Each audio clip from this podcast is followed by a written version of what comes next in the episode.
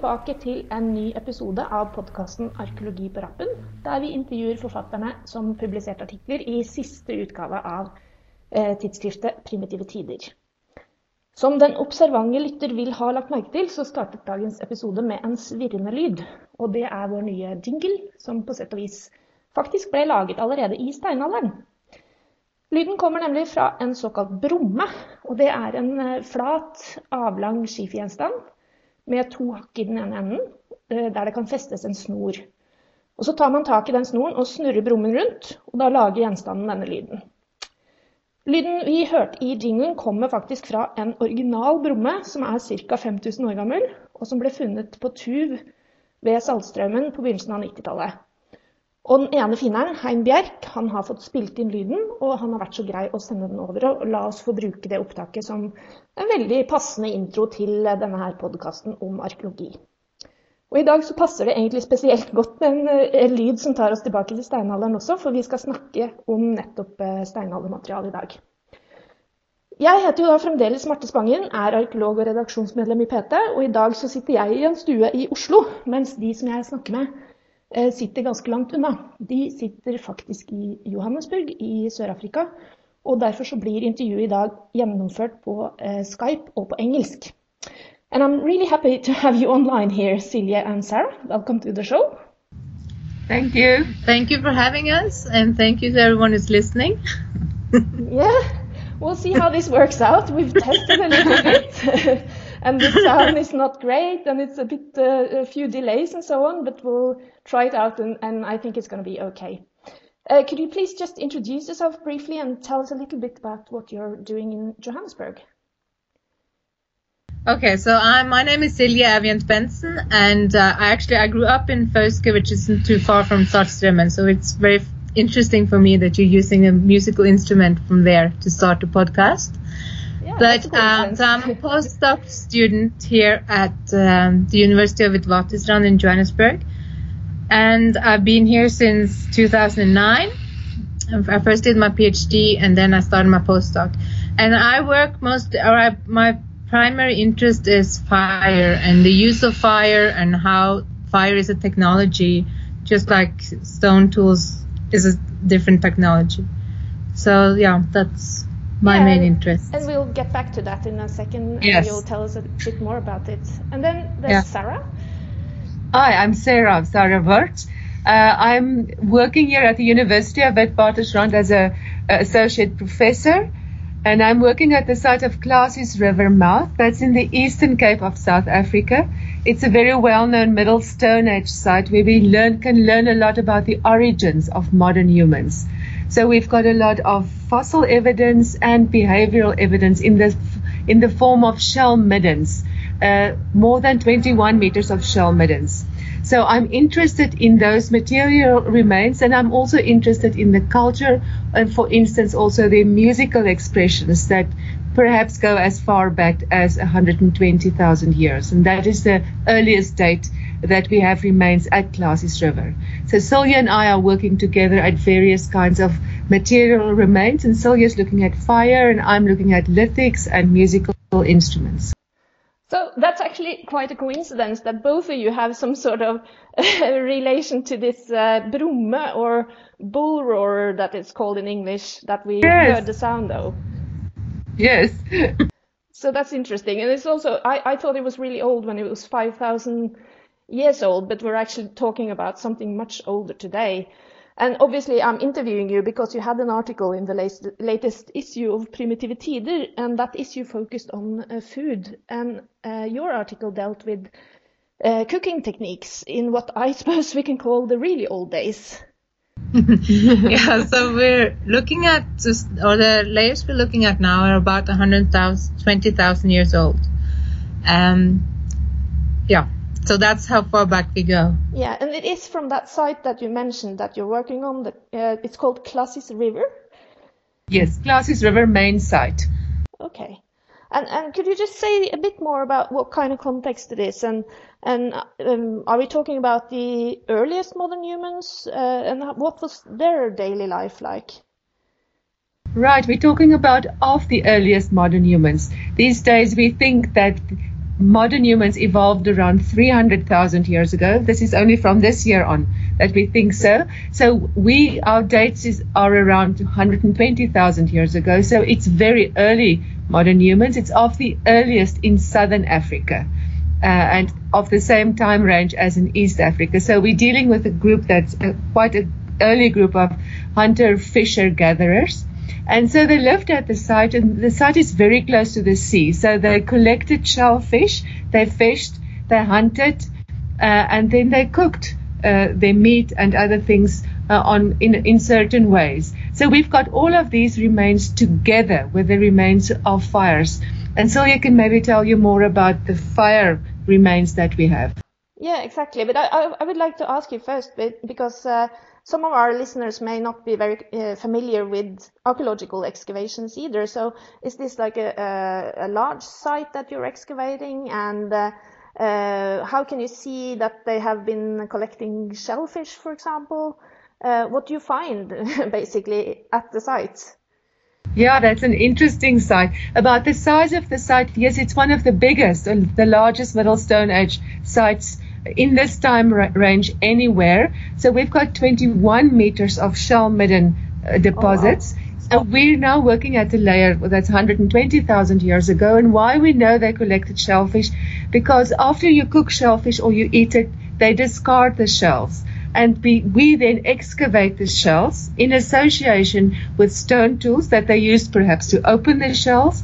We have ashes of fireplaces and we also have the remains of the animals that they hunted. So the whole mix, the food mix, they left their food rests there, the remains of the food, and then we come and we excavate it after so long. So we are definitely sure that this is where they lived, where they ate their food, where they made fires. So is this, I mean, it must be very well preserved. Is it, uh, have you just started digging in the ground or was it inside a cave or what kind of site is it? It is a cave site. So it's inside a cave, and this cave has been um, excavated already since the 1960s because it's such an important place. So already since that time, people have removed archaeological remains and they interpret them to tell us more about the um, lives of the very early modern people in southern Africa. Okay, great. Then uh, uh, maybe Silje, as you said, could say something more about because your article actually focuses on these cracked rocks, which may not sound immediately like the most exciting material, but actually rocks have been really central in cooking un until quite recently. So, so what's with the rocks? Okay, so what's with the rocks? The rocks that we were excavating in 2015 um, with a large international team, and we found some rocks or quartzite actually that in any other context we would call it firecracked rock. And if it was a newer context, you might have um, you might have connected it to things like cooking. And there's there are also other things you can use rocks, heated rocks for. You can, for example, use them in saunas or steam houses, as in North America. Or you can boil with them. You can make like earth ovens and cook with them in them. Uh, or you can heat rocks simply to improve the knapping properties. So there's many things you can do with, with rocks both after they've heated and while they're warm, but um, the general consensus has been that people didn't really use rocks to cook with or even heat rocks intentionally before fi- about 50,000 years ago. So one of the debates, for example, when it comes to the modern humans and the Neanderthals, were, were that the Neanderthals they did not know how to use the hot rocks or use hot rock cooking because we cannot find large amounts of uh, firecracked rocks with the Neanderthals, mm. whereas you can with modern humans after 50,000. So when, but so then when we found these rocks, we were quite excited because it does show it's a sign that there's fire there and they have been heat affected. But then the next question becomes why are they heat affected? And what we could see in the cave was that these rocks were severely heated or they had many signs of being exposed to hot fire and probably repeatedly. And what that means is that so if you heat a rock to improve its knapping properties, you need to be very careful so you don't create uh, cracks and fractures and things that can prevent you making the tools. You want to heat it just enough so that you get a good um, core for knapping. Okay. But when you, if you use it for cooking, you will maybe reuse it many times and use it so much that it will develop cracks and fractures and many color changes. And the rocks that we found did have lots of cracks and they were cracked into very small um, samples in some cases. So then that's when we started looking at could they have been used for other things? Could they have been lo- used for cooking? And yeah, that's the start of what ended as our article. Yeah, yeah. But it's really interesting because it sounds like a material that is a bit ephemeral in a way that you find some cracked rocks, you know, and how how are you supposed to know uh, what what they were used for uh, initially? But uh, you've used what is called experimental archaeology to investigate that, which actually gives some results that at least closes in on that question and gives you some answers. Uh, so could you explain a little bit more about experimental archaeology and, and why that was a useful method in this context? So experimental archaeology, in the like big definition of it, is that it uses um, experiments or it tries to replicate or recreate the material we see archaeological through experimental work. Uh, and there are different ways of doing this experimental archaeology, and I'm sure that many of your listeners are aware of uh, experiments where they replicate stone tools, for example, and try to see how were they knapped, how were they made. But I was looking at, so I've been working at with experimental archaeology before because I've been looking at how does combustion features form and how does it look when you have a fireplace. What does it look like in the archaeological record, and can you compare? Can you say anything about the heat, for example, from the fireplace you find? And could you in so, this case? Well, for that was for my PhD, and and one of the things I found for my PhD is that so it's not you know you have an ash layer for each hearth, mm. and it's not the thickness of the ash layer doesn't actually necessarily tell you about the fire or how many fires there were because different types of wood will pre- uh, produce different amounts of ash. Right. Yeah. But um, the extent of the ash layer might tell you something. Okay. So how wide it is, for example, might tell you if it the wider it is, the more extensive is the heat, or the more often was it used, and the more wood is burnt. And that's important in a context like the Middle Stone Age, where you try to look at wh- where these things reused or where they just use once or twice. Right. Yeah. And the rocks that you looked at, what what exactly did you look at in in this context? So in this context, with the Klasies River and the rocks, we looked at we wanted to look at colors. So I looked at different fire experiments that have been done in other contexts. So in North America, for example, they look at um, the sweat houses, or that's what they call them, which is basically saunas. Mm. Where you use rocks to heat um, the saunas, or they also have lots of these earth ovens or cooking pits where you uh, dig a hole in the ground or an elaborate oven in some cases, and then you use heated rock to heat the food. Yeah, and that's something that we know very well from the Norwegian archaeological uh, uh, record as well. That uh, you have uh, often you find cooking pits either in large uh, collections or yeah, just singular cooking bits around. Yeah. Yeah, it's a phenomenon that know. So because it's such an extensive phenomenon that's known from many contexts, I could use the experiments that they've done before, and I could look at how they had looked at them and how they had studied the rocks experimentally. And what they had many had done was look at colors, so they had tried to heat locally sourced uh, rocks and then look at the color and the fracture pattern. But we didn't have any studies of the quartzite from the Eastern Cape because very few studies have been done. So we basically have to start with the basics and do a basic mm-hmm. experiment and find out. So what does the quartzite from the Eastern Cape look like when we heat it? And does it look any similar to what we find in the cave? Okay, and what did you find? yeah, well, it does. okay. So I did, yeah, I did two different types of experiments because while we were excavating in the cave, John Speth, and who's an American archaeologist, he published a paper on boiling, and because you can use heated rocks to and drop them into water and then you can boil the water. But he wrote about how you could have, first of all, you need better criteria to look at whether a rock was used for boiling or not. And you could also have boiled without rocks. So we tried to set up, or we did set up an experiment where we looked at, on the one hand, rocks that were only heated in a fireplace, as you would have done if you were just heating rocks to cook with them. And then rocks on the other hand that were first heated and then dropped into water to, yeah, to try to boil, yeah, pretend we're boiling with them. yeah, exactly. And then measured, yeah.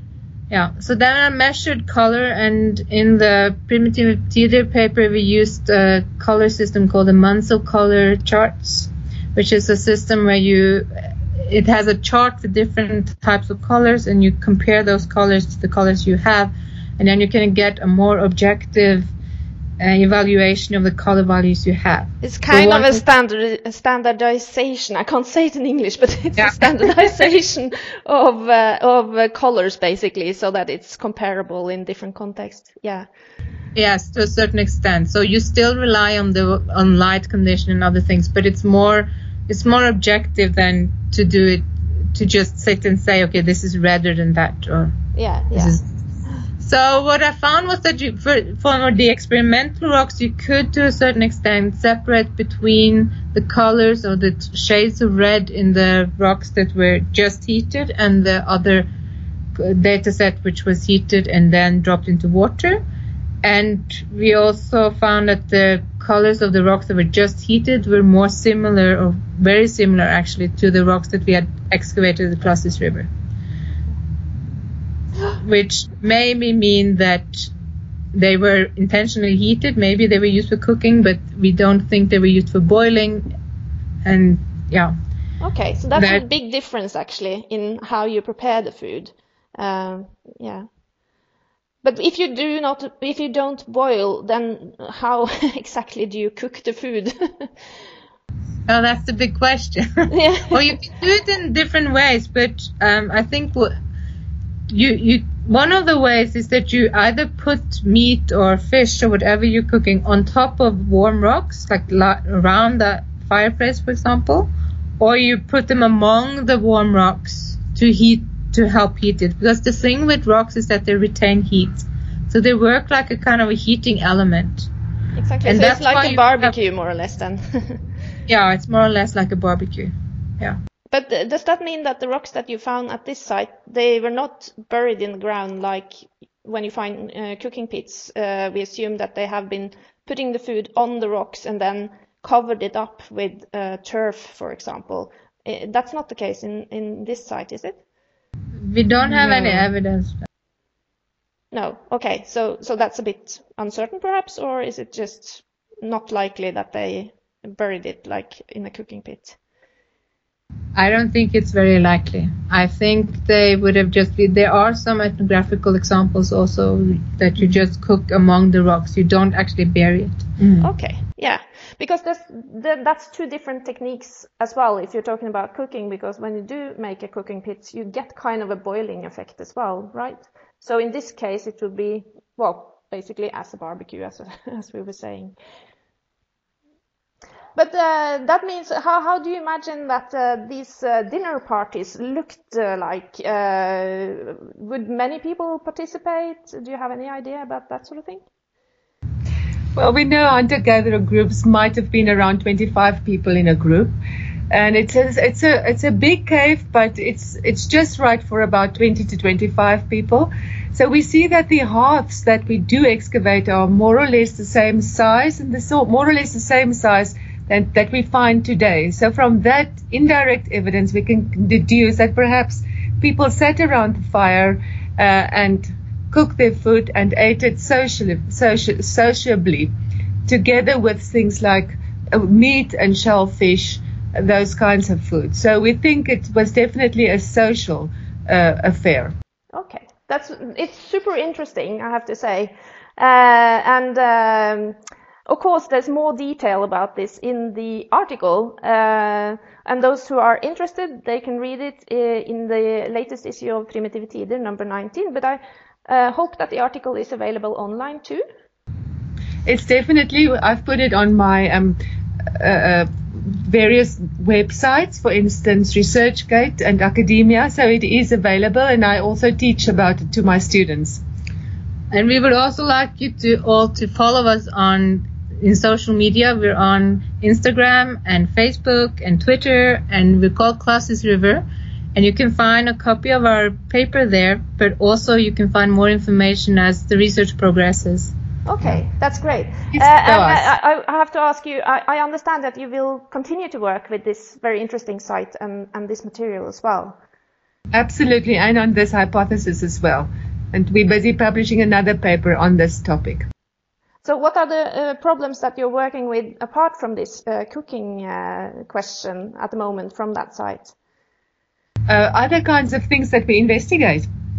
Yes, For- yeah, if you can So, for instance, we look at the cognition behind producing stone tools because in those times uh, they only had stone tools to, for instance, cut meat, harvest uh, shellfish, and so on. So we look at the ways in which they produce them, the technology behind it, and then from that we can deduce things about their intelligence and their cognition and even perhaps their social lives.